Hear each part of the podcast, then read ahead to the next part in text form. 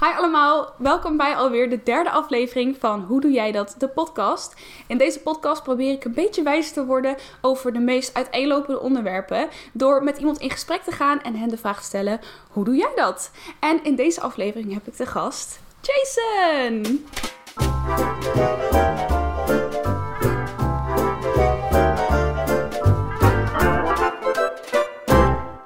Yes. Foutje, eeuw. Voordat we gaan beginnen, je kan deze podcast beluisteren via Spotify of iTunes bijvoorbeeld. Maar als je wil, kan je ook meekijken via YouTube. Eh, en dat kan gewoon via mijn kanaal Die is voor Dazzle. Wij kennen elkaar al een tijdje. Ja. Maar eh, we zijn eigenlijk, ik denk dat jij in heel korte tijd een van mijn meest hechte vrienden bent geworden. Ehm, dus ik vind het heel leuk dat je erbij bent vandaag. Ehm, maar het lijkt me dus heel leuk, in plaats van dat ik jou ga voorstellen, dat jij zelf eventjes aan de kijkers slash luisteraars eh, vertelt wie jij bent. Uh, mijn naam is Jason en ik heb een foodblog waar ik vegan recepten deel. En de laatste tijd ook wat meer praat over social topics, ehm, taboes, al een tijdje, stigma's. En probeer ik eten te gebruiken als een tool om mensen samen te brengen en te praten over dingen die we gemeen hebben of misschien niet gemeen hebben. En daarin wat meer informatie te delen. Ja, dat vind ik echt zo tof. Dat is ook een van de, ja, de reden eigenlijk dat ik jou super graag te gast wilde hebben in de podcast. Omdat jij mij op heel veel vlakken inspireert. En eh, ja, ik vind het echt geweldig hoe jij op zoveel verschillende manieren eh, ja, de, de wereld een beetje leuker en mooier probeert te maken. We gaan het vandaag over heel uitlopende onderwerpen hebben eigenlijk. Maar waar ik voornamelijk op wil focussen is eh, van eigenlijk seksualiteit, gender, identiteit en gelijkheid. Eh, omdat dat denk ik heel brede onderwerpen zijn, maar super interessant. En ik denk dat daar zoveel over te ontdekken valt. En ik dacht dat jij ook wel echt het uitgesproken persoon zou zijn om het hierover te hebben. Aangezien je ook heel open bent. En ja, denk ik daar een heel mooi perspectief op kan bieden. Ook weer heel anders dan mijn eigen natuurlijk. Trouwens, dat heb je nog helemaal niet gezegd. Je zegt wel foodblog, maar waar kunnen mensen je precies volgen? Want op- you need to see this. Het is echt zo mooi wat jij maakt. Je kunt mijn werk zien op de Indigo Kitchen. Ehm, mijn website is theindigokitchen.com en op Instagram gewoon de Indigo Kitchen. Oh, en binnenkort komt er ook iets heel leuks. Of mag je daar nog niks over zeggen? Ehm, ja, ik denk dat ik wel wat over kan delen. You heard it here first. ben bezig met een kookboek waarin ik een aantal vegan comfort food recepten ga delen. Ehm, Er zijn veel recepten die geïnspireerd zijn uit mijn jeugd, maar ook recepten die ik onlangs heb ehm, bedacht in de keuken. Het is gewoon een combinatie van mijn favoriete comfortfood gerechten. Alles veganistisch en ja. Ik kan echt niet wachten. Dit is, Same. het klinkt nu al echt geweldig. Maar goed, ehm, daar gaan we deze podcast dus niet over hebben, zoals ik net al zei. Eh laat ik beginnen met een vraag, denk ik eigenlijk heel erg breed. Hoe en identificeer jij jezelf? Ehm, ik identificeer mezelf niet zo snel in labels, zeg maar. Ik, ik, ik bedoel, ik ben een man, ik ben eh, gay, ehm, lang, Ik ben wel- kan koken. ja. Ik weet niet, ik vind het best wel lastig, omdat ik mezelf niet zo heel snel in een hokje Mhm. plaats. Ehm, omdat het soms beperkend kan zijn, vind ik zelf. Maar tegelijkertijd gebruik ik het soms dus wel Ja, om bepaalde ehm, onderwerpen aan te kaarten. Waarin het dan wel een nut heeft Ja. om een bepaalde... een meerwaarde. Ja, precies. Maar op dit moment als alien eigenlijk. Als alien. Nou, dat was wel grappig, want ik zeg, ja, dat is eigenlijk een heel makkelijke vraag, de eerste. Maar dat is dus helemaal niet zo makkelijk, blijkt dus. ja, ja het hang, ik denk dat het er heel erg van af, af- afhangt ehm, van welk perspectief je er naar kijkt. En ook aan wie je de vraag stelt. Ja. Ehm, ik persoonlijk identificeer mij niet heel snel persoonlijk als het een of het ander. Ja, Daarin wil ik niet zeggen dat ik bijvoorbeeld non-binary ben of zo. Dat, ik bedoel, ik ben heel erg, ik ben heel erg gewoon, ik weet wat ik ben. Ik moet het doen me denken aan eh, die video van Nikki Tutorials laatst, waar zij natuurlijk uitkwam als trans. Ehm, waarin zij heel mooi zei, eh, I'm me. En niet met allemaal labels, maar dat zij zei gewoon, ik ben Nikki, ik ben wie ik ben. En dat is alles wat je hoeft te weten. Ja. ja, ik denk dat het belangrijk is om bepaalde verschillen te erkennen en te zien dat er bijvoorbeeld, als je kijkt naar ehm, people of color, dat er gewoon nog heel veel gedaan kan worden. En ook voor trans people over de hele wereld. En dan kijk ik bijvoorbeeld naar Brazilië, weet je, waar het heel anders is dan hier. Ja, Waar ook nog heel veel gebeurd wordt. En dan is het belangrijk om te zien dat een bepaalde groep mensen eh, benadeeld worden of oppressed zijn. Ja. En eh, daarin is het heel erg belangrijk om die verschillen zeg maar, te zien en, te, en tegelijkertijd ook te zien dat dat niet het enigste is wat iemand is. Want iemand is niet alleen maar dit of dat. We zijn allemaal mens en we zijn allemaal verschillend in onze eigen, wat het ook mag zijn. ja. En ja, het is dus inderdaad een best wel ingewikkelde vraag, Mhm. maar ehm, ook wel belangrijk om erover na te denken, denk ik. Wat, wat betekent het eigenlijk? Ja. Daadwerkelijk. Ja, ik wil hier straks nog zeker op doorgaan, want ik vind het echt mega interessant. Maar om nog heel eventjes, eh, ja, even een beetje vanaf het begin te beginnen eigenlijk. Is er voor jou een bewust moment geweest dat je uit moest komen? Ehm, of was dat gewoon heel natuurlijk? Dat je het soort van altijd al, dat iedereen het al wist? Of, ja, daar ben ik heel Ehm, benieuwd naar hoe dat... Ja, ik denk, er is wel echt een punt gekomen dat ik ervoor uitkwam. Omdat ik ben opgegroeid in een environment waar het niet echt normaal... Het, het was niet normaal. Nee. En ehm, daarin was ik vooral heel erg met mezelf in de strijd. Want ik ben Rooms-Katholiek opgevoed. En ik was heel erg een soort van... Oh nee, ik ga naar de hel. En eh, ik was heel erg bang voor verstoting. En het duurde denk ik tot... me ik denk dat ik... Het moment dat ik uit huis, wat, uit huis was... heb ik via een tante van me tegen mijn vader laten vertellen... ehm, zeg maar, ik ben via iemand anders uit de kast gekomen. Ja, Bij mijn moeder heb ik het zelf gedaan. En bij mijn vrienden op een gegeven moment... Ik denk rond mijn vijftiende. En, en hoe oud was je dat bij je ouders? Ehm, bij mijn moeder ook rond mijn vijftiende. Bij mijn Mm. vader rond mijn zeventiende. Oké, en wat was de reden als je dat wil zeggen, dat je dan met je vader dan gewacht had? Of het niet Ehm, zelf Omdat dat het bij... enger vond? Ja, dat vond ik nog wel echt een stuk spannender. Ook omdat mijn vader Surinaams is. En in de Surinaamse cultuur is het heel anders dan bijvoorbeeld uh, wat hier gebeurt om me Mhm. heen. Is het, voor mijn gevoel in ieder geval wordt het sneller geaccepteerd. En misschien zit ik ernaast. Maar dat is in, in ieder geval wat ik zelf voelde en de reden waarom ik wat terughoudender was. En ook omdat mijn vader heel gelovig is.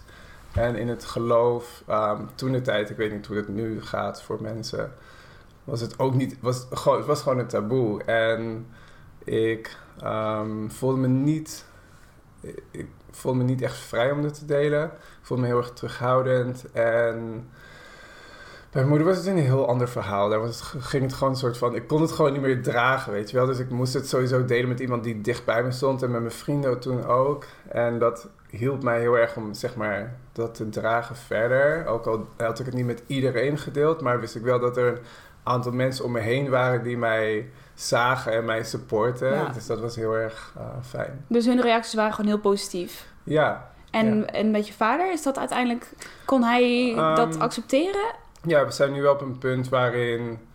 eh, ik bedoel, het is niet iets wat we echt bespreken, maar hij accepteert het en ehm, ja, Gelukkig, het is gewoon prima nu. ja.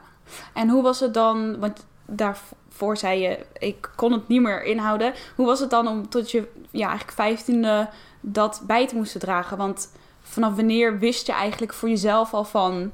eh, ja, dit is wie ik ben, dit zijn mijn gevoelens... en dat je het kon plaatsen eigenlijk dat je gay was? Ik denk rond mijn 13e, 14e, toen- ik op de middelbare school zat en wat meer zeg maar van het eh, leven leerde. Zeg maar. Op de basisschool was ik heel erg in een bubbel en ehm, toen was ik er sowieso, ik denk dat de meeste kinderen, I, I don't know, in ieder geval ik was er niet mee bezig. Ik was heel erg bezig met Pokémon en Ja. Dragon Ball Z. dus ik was nog niet heel erg bezig met mijn seksualiteit. Nee. Uh, ik bedoel, dat zal voor iedereen anders zijn. Ehm, maar voor mij op dat moment was dat niet echt iets wat heel erg op de voorgrond lag. En toen ik op de middelbare school kwam, was iedereen daar een beetje mee bezig. Dat je En, verliefd bent. Oh, Ja. die is op die. huh? precies, dus het, was, werd toen opeens een topic. Mensen hadden het over seks, mensen hadden het over aantrekking en, en ehm, verkering en zo, weet je wel. Dus toen begon ik wel te denken van, oh, maar hoe werkt dit dan? En waarom voel ik me aangetrokken tot eh, meer jongens, mannen dan vrouwen? En toen was ik dus ook heel erg in strijd met mezelf van, oh, maar dat hoort niet en dit is slecht en duivels. En toen op een gegeven moment, toen, ehm, ja, toen dacht ik van, weet je wat, ik, ik ging me een beetje verdiepen en je had het internet, dus ik, ik had wat meer informatie toen. En toen dacht ik van, ja, ik, ik kan dit gewoon niet meer dragen. Ik, ik denk dat ik nu wel weet wat de conclusie is. Eerst dacht ik van, oh, ik ben bi. Of ik dacht van, het is een fase. Mhm. Maar uh, dat, is niet, dat was niet het geval. Het is een feestman. dus het delen, uh, ik bedoel, ik ben heel, ik voel me heel erg privileged dat ik in een positie was dat ik het met vrienden en mijn moeder kon delen.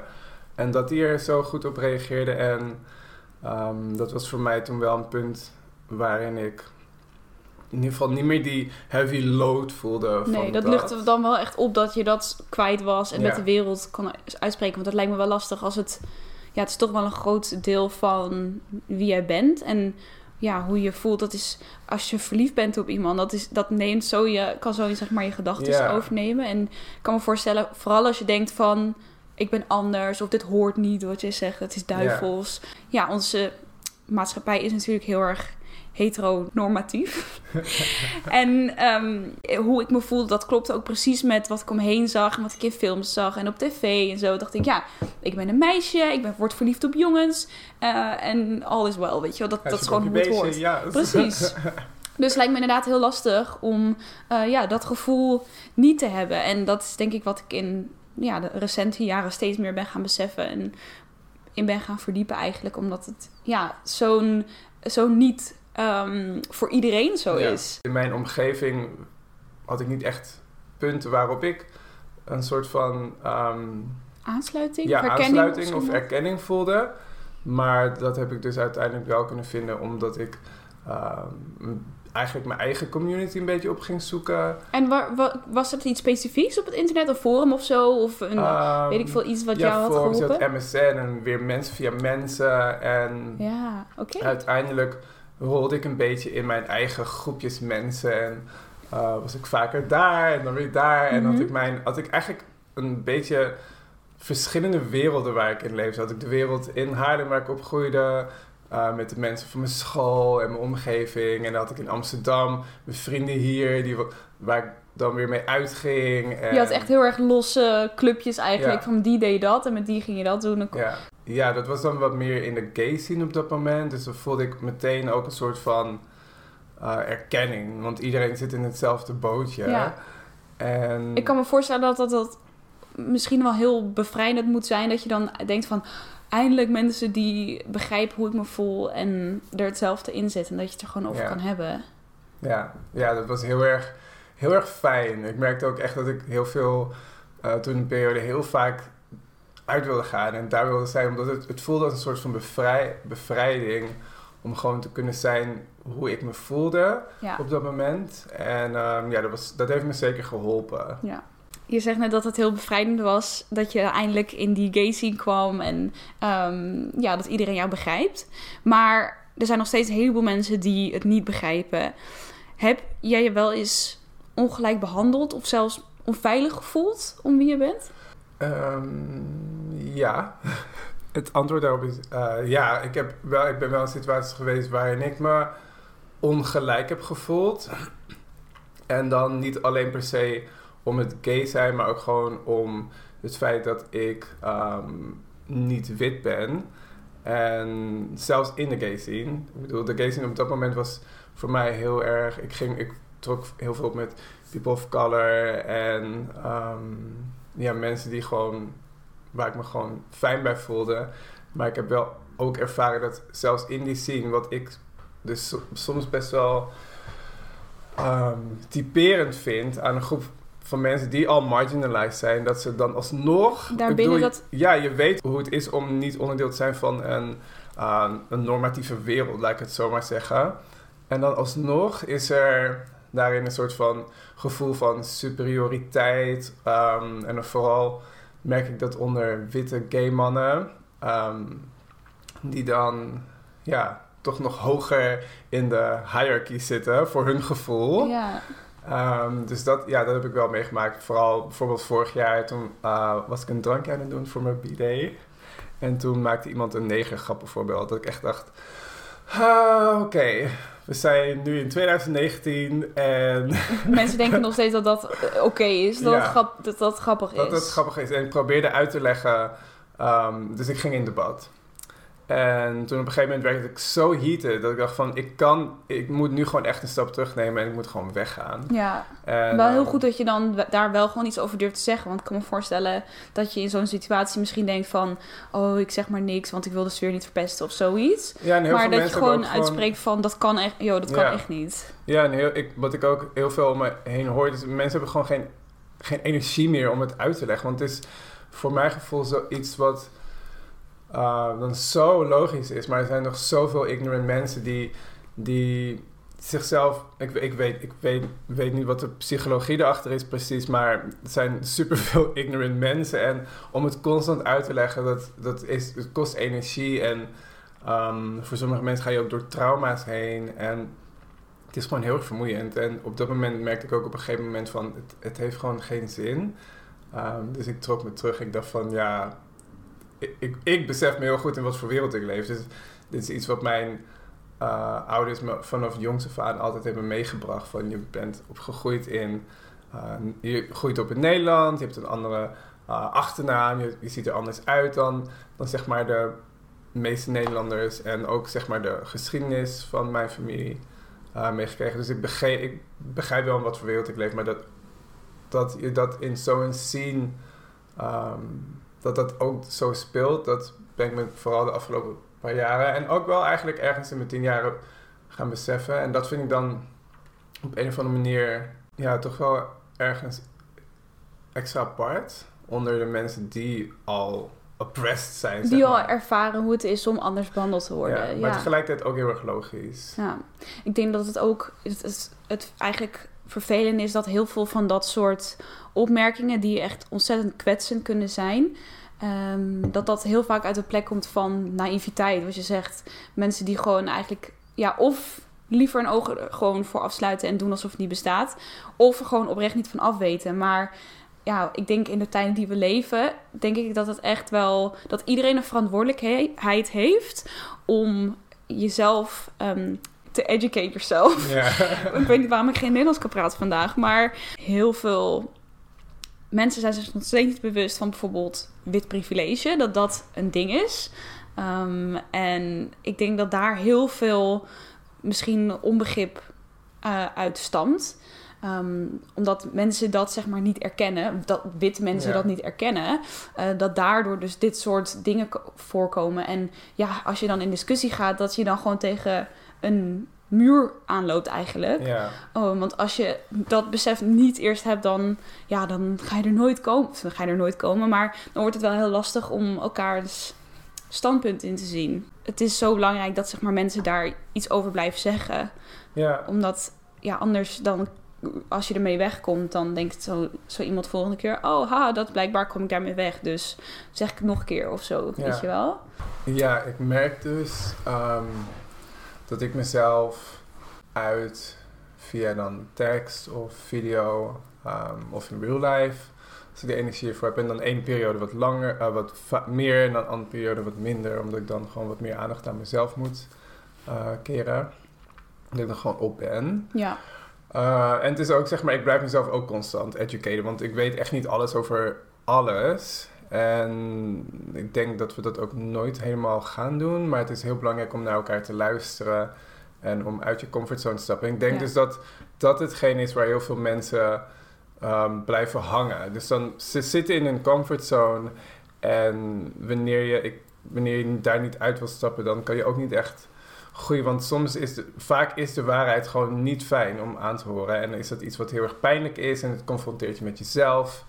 Ik denk dat dat bijvoorbeeld waar ook is waarom uh, mensen heel heftig reageren wanneer ze bijvoorbeeld voor racist worden uitgemaakt. Omdat Ja. zij denken, dat zien zij zo als een aanval op hun persoonlijkheid en op wie zij zijn als mens. Dus denken, nee, dat ben ik echt niet. En dan extra hard uh, eigenlijk in de verdediging gaan. In plaats van dat ze nadenken Ja. van, goh, um, zouden ze een punt kunnen hebben? Waarom, waarom zouden ze dat denken? Maar ik denk wat ook een, echt een misconceptie is, dat um, racisme iets is waarvan POC, per- pe- Persons of Color, het aan hen de taak is om witte mensen bij te brengen dat racisme een ding is. Terwijl eigenlijk moet het juist andersom zijn. Want ja, eigenlijk zijn het altijd. eh, de witte mensen worden niet gediscrimineerd. Maar daarvoor is het wel extra belangrijk dat wij ervan bewust zijn dat dat een ding is. En hoe je dat niet moet doen.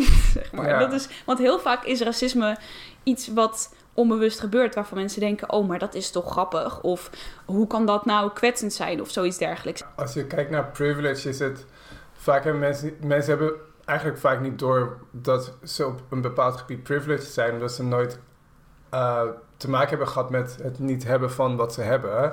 Dus is het ook iets waar ze vaak geen begrip voor op kunnen tonen. En als je het dan wel aankaart en bijvoorbeeld zegt van, oh, dit kwetst mij of, of dit eh, vind ik niet fijn, dan spreek meteen de ego aan en dan is het zo van, oh nee, maar dat, eh, dat is niet zo. En omdat er gewoon geen begrip is. En ik denk dus als we gewoon vaak, als we gewoon heel even soms ons ego aan de kant kunnen zetten, wat super moeilijk is, want daarvoor moet je uit je comfortzone stappen, dan kunnen we naar elkaar luisteren en ehm, daarin ook wat meer begrip naar elkaar tonen. En gewoon niemand is 100% gelijk. We zijn, allemaal, we zijn geen orakels allemaal die alle die de volledige waarheid hebben. Dus wanneer iemand tegen jou zegt van je kwetst me, doet me, doet me pijn of dit zit zo of dit zit zo of ik ervaar het zo. En jij gaat meteen in verdediging en denkt van oh nee, maar dat is niet zo. Dan vraag ik me af van waar, hoe, van huh? Are you for real? soort van, kan je heel even een moment nemen om niet egoïstisch te zijn en te Nou kijken... om, om niet in iemand anders schoenen te kunnen plaatsen. Ja. Dat zegt en een beetje empathie op te brengen van dat je niet alleen maar vanuit je eigen oogpunt kijkt, maar ja, echt naar Ja. iemand anders probeert te verplaatsen en denkt van goh, hoe zou, dat, Ja. hoe zou het zijn als ik niet mezelf was, maar dus eh, ja, dat andere persoon. Er is hier trouwens een heel mooi boek over. Het heet Hallo Witte Mensen. Ken je die? Nee. Oh, nou, daar wordt dit heel mooi en eh, eigenlijk in omschreven. Oh ja, het is geschreven door Anousha Nezume. Dit is de blurb. Dit is namelijk denk ik echt precies waar we het Ja. over hebben. Ja. Zwarte Piet is ineens taboe. Neger zeggen mag ook niet meer. What's next? Blanke fluiten schrappen, want dat is ook racisme. Ehm, nee, antwoordde ik sinds 2012 regelmatig via de sociale media. Dus toen een witte vriendin tegen me zei... ik wil een salon houden over white privilege... en jij moet erbij zijn, over witte dwang gesproken... was ik enthousiast. Dit is denk ik gewoon iets wat nog heel erg in de beginfase zit. En ik denk dat door dingen zoals bijvoorbeeld... eh, ik ben heel erg geïnteresseerd in feminisme... en Ehm, met name intersectioneel feminisme is, een begrip wat gelukkig de laatste jaren steeds bekender is. Ja. En voor wie misschien niet weet wat dat inhoudt, intersectioneel feminisme is gebaseerd op het idee dat mensen niet maar op één vlak of één aspect van hun leven ehm, ongelijk behandeld worden, maar eigenlijk altijd door ja, meerdere aspecten. Dus eh, het is bijvoorbeeld niet dat je alleen maar gediscrimineerd wordt omdat je een vrouw bent, maar eh, dat kan ook omdat je dan bijvoorbeeld ook nog eens een person of color bent, of door je geloof, of door je sociale achtergrond, eh, dat soort dingen eigenlijk. Dus het is nooit eigenlijk op een zichzelf staand iets. Ja. ja, ik denk dat het heel erg belangrijk is om hierover te blijven praten en ehm, inderdaad intersectional activisme door te voeren, omdat het is nooit het een of het ander. Heel veel dingen zijn zo met elkaar verbonden, meer dan dat wij vaak doorhebben. Ehm en daarom is het dus heel erg belangrijk om die verbindingen ook te begrijpen ehm, en daar bewustzijn voor te creëren. Zoals ik zelf begon met veganisme en heel erg ehm, keek naar het klimaat en hoe we met onszelf omgingen. En uh, dierenleed op dat moment, een paar jaar geleden, had ik op een gegeven moment door van hé, hey, maar ik bedoel, als ik, ik moet bij misschien wel dubbel zo hard staan voor mensenrechten en voor ongelijkheid hierin en ook kijken naar hoe dit allemaal met elkaar verbonden is en kolonialisme daarover te praten en kapitalisme, want al deze dingen die zijn op een of andere manier met elkaar verbonden en ik bedoel daar dat is een heel erg ingewikkeld topic meteen om daar ik bedoel er zijn, zitten we hier nog een aantal uur Ja. maar het is wel belangrijk om naar al deze dingen te blijven kijken en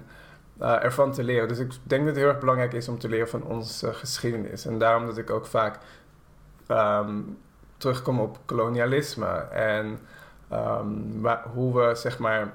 Ja, daar ben ik wel heel benieuwd naar, want ik heb je inderdaad hier vaker over gehoord. En ook postkolonialisme is volgens mij noem je het toch, dat je dan, dat wij daar nu nog steeds natuurlijk in die periode zitten. Ja, we ja. Kun je daar wat meer over uitleggen? Want dit is voor mij ook nog heel nieuw. En ik denk voor veel mensen die luisteren, dat hoor je namelijk niet zo heel vaak. Ja. Ik denk dat als ik kijk naar de geschiedenis uh, en wat er allemaal is gebeurd. En kijk naar de landen die nu welvarend zijn, zoals Amerika en uh, hier in Europa doen we het prima. Um, dat is grotendeels dankzij kolonialisme. En ik geloof dat we dat gewoon bespreekbaar moeten maken. En als we kijken naar vooruitgang en gelijkheid, als dat niet iets is wat. Zeg maar, zolang dat niet wordt uitgekaart en op tafel wordt gelegd en eerlijk naar wordt gekeken, gaan we niks veranderen. Want history keeps repeating itself. En er, zullen al, er zal altijd exploitatie zijn en een ongelijkheid als we, dit, als we niet naar onze geschiedenis kijken en heel eerlijk zeggen van wat de bliep, weet je wel. en ik weet dat het heel veel mensen pijn gaat doen. Uh, maar we kunnen, we kunnen niet doorgaan en verwachten dat alles gaat veranderen als we niet eerlijk zijn over ons verleden en wat er allemaal is gebeurd. Zolang we dat niet erkennen, zeg maar, die pijn die daar nog in zit, kan er eigenlijk kunnen we het soort van niet recht trekken? Als ik denk, ik als ik, ja, dus als ik denk persoonlijk, ik bedoel, misschien zit ik er helemaal naast, maar als ik denk aan history keeps repeating itself. Bijvoorbeeld als ik kijk naar um, toen slavernij was um, illegaal werd, zeg maar, hoe ze toen nog steeds tien jaar moesten werken. En hoe de slavenhouders werden uitgekeerd. Weet je, gewoon dat soort dingen. En ik, dat wordt bespreekbaar gemaakt. Maar het zijn gewoon nog zoveel dingen. Het, is heel erg complex. En ik denk dat er nog heel veel pijn zit. En nog heel veel zit om van te leren. Um, daarom dat ik het ook zo mooi vind dat, um, dat dat hele Zwarte Pieten...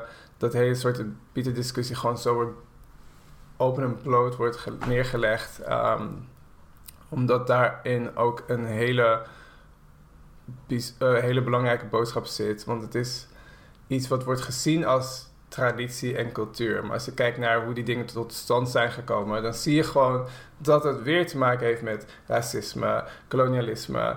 En het, blijft in, het wordt in stand gehouden omdat mensen gewoon niet los willen laten van hun racisme. En um, de eigenschap van bepaalde dingen die niet van hun zijn.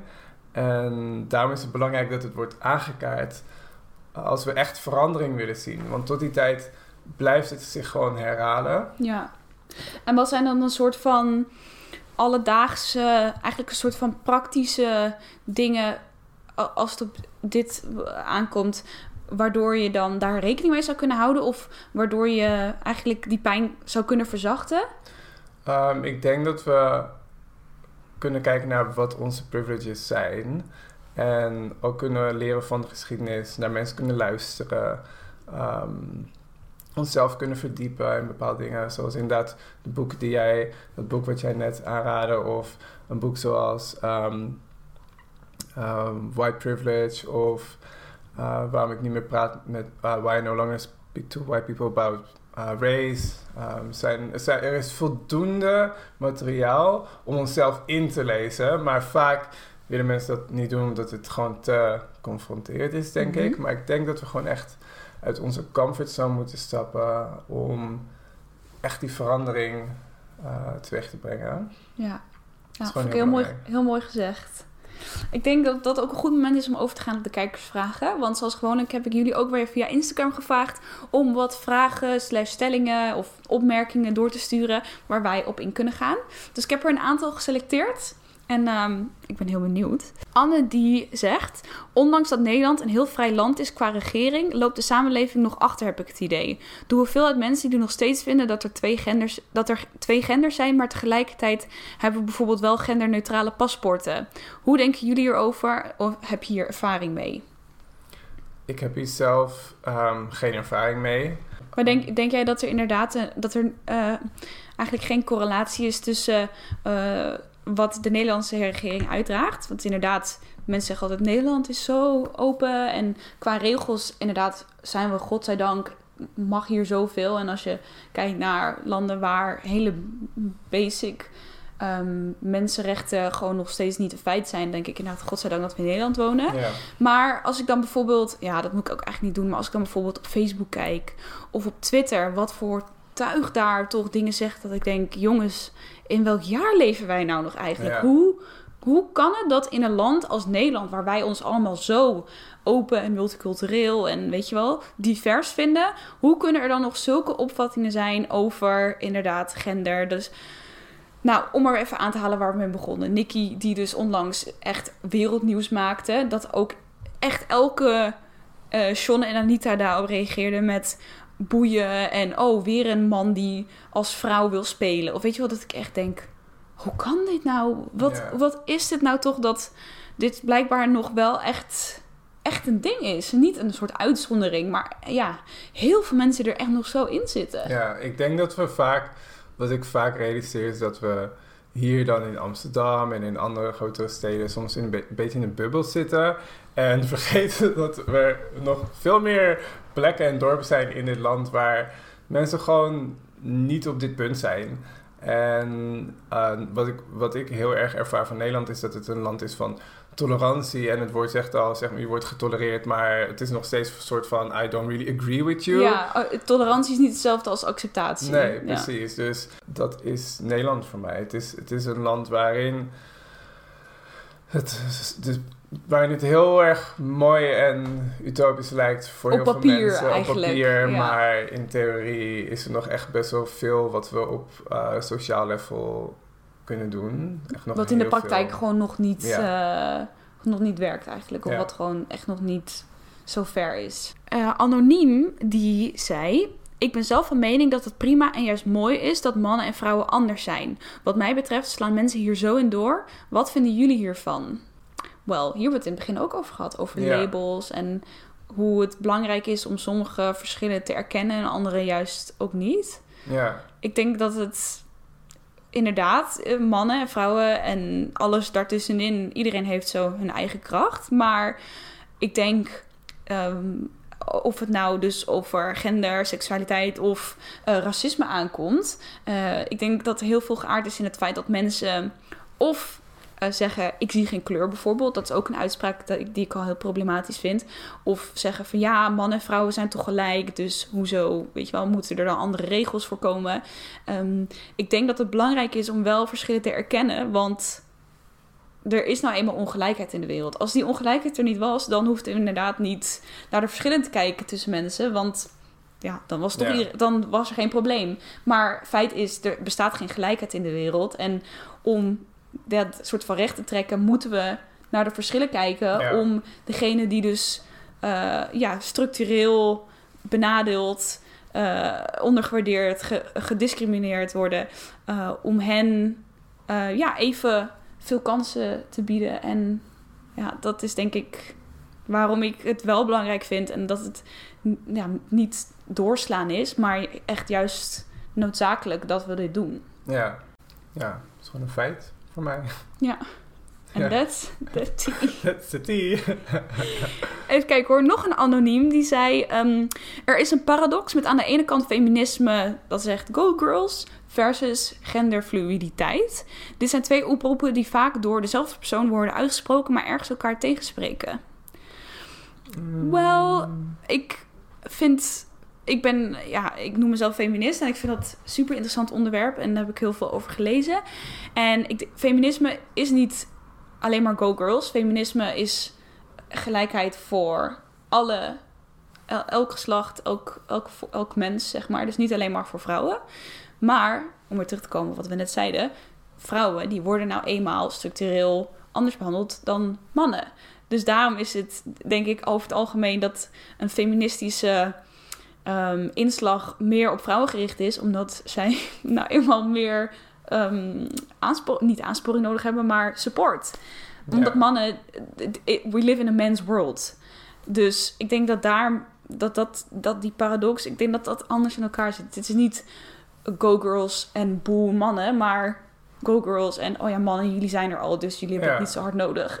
En daarom is intersectional femini- feminisme ook zo belangrijk dat we kijken naar. ehm, als, we, als we dan kijken naar het feit dat vrouwen vaker. eh, dat ma- mannen zeg maar meer zeg hebben en, me- en minder oppressed zijn. En dan ook kijken naar hoe eh, black women en trans women dan nog meer oppressed zijn. Het, ik bedoel, het, is geen, het zijn niet de Oppression Olympics, maar het is wel belangrijk om te zien hoe dat in elkaar zit en hoe die verbanden, zeg maar, we need to stand up for each other. En, Ik eh, vind het woord allies ook echt heel mooi hierin.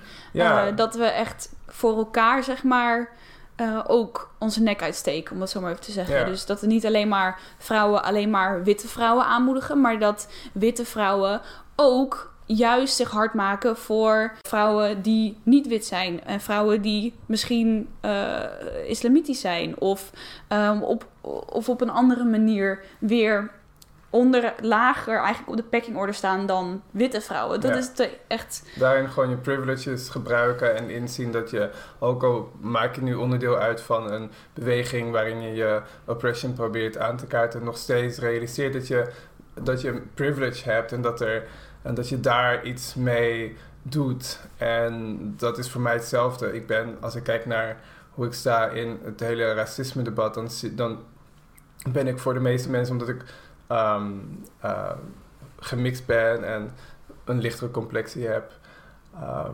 daarin toch nog privileges heb. En het is heel belangrijk dat ik dat realiseer en dat ik daar gebruik van maak en dat ik dat ook aankaart. Ik denk dat het mooi is om met deze af te sluiten. Eh, deze is van Mirna en zij zegt: Ik ben gelovig en vind dat iedereen mag zijn wie hij zij is. In onze kerk mogen stellen van hetzelfde geslacht gewoon trouwen. En ik denk dat er heel veel gelovigen zijn die dat geloven. Het is vaak maar een klein gedeelte dat een verkeerd beeld afgeeft over christenen die homo's niet accepteren. Die zijn er ook wel, maar er is gewoon verschil. Dat vind ik soms wel moeilijk. Alleen de heftige verhalen komen in het nieuws natuurlijk. Maar dat maakt me wel eens bang dat mensen een verkeerd voordeel hebben over het geloof. En dus ook over mij. Ik persoonlijk heb niet echt een vooroordeel op een individu qua geloof. Dus ik heb heel veel gelovige mensen in mijn familie. Uh, mijn vader is Rooms-Katholiek, mijn broer is moslim. En als je kijkt naar de individu zelf, ehm, ja, ik bedoel, ik judge een individu op hoe die individu is, maar niet per se op het geloof. Nee, ni- niet van, oh jij bent christen, oh dus jij zal mij wel haten of zo. Dat, Nee, en ik begrijp waar het vandaan komt, want er- die dingen zijn natuurlijk wel met elkaar gelinkt. En daar, vandaar ook dat ik zelf de angst had om uit de kast te komen vanwege geloof onder andere. Ik begrijp ook wel tegelijkertijd waar het vandaan komt. Ehm, ik zelf ben niet super gelovig. Ik geloof in iets, maar niet per se aan één. Eh, ik bedoel, maar moet het nu niet over mezelf hebben, want dan ga ik weer, eh, ga ik weer eh, dieper in op geloof. wat het voor mij betekent. Als ik kijk naar het geloof en de westerse geloof en hoe ze het geloof hebben gebruikt ook om zeg maar slavernij goed te praten, heb ik zelf daar niet echt een verbinding mee met het, met het westerse geloof.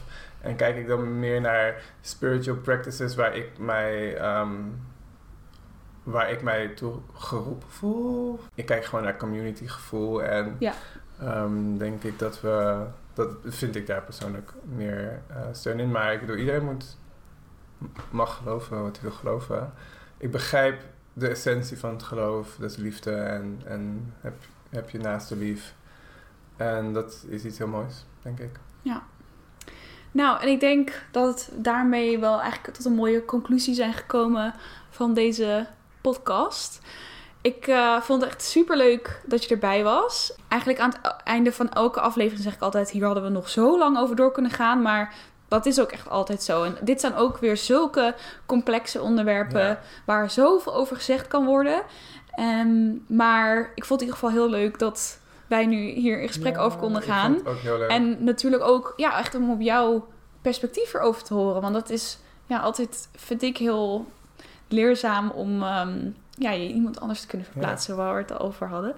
Ehm, dus ik wil je heel erg bedanken dat je erbij was. Eh, ik hoop natuurlijk dat jullie hier ook wat aan gehad hebben. Dat je misschien ehm, wat nieuws geleerd hebt ehm, of geïnspireerd bent. En eh, ja, nogmaals, dit zijn complexe onderwerpen, maar ik denk heel goed om het er toch gewoon over te hebben. En ja, het gewoon normaal te maken. Dan wil ik jullie in ieder geval weer heel erg danken voor het kijken. En ik spreek jullie in de volgende aflevering. Doeg! Música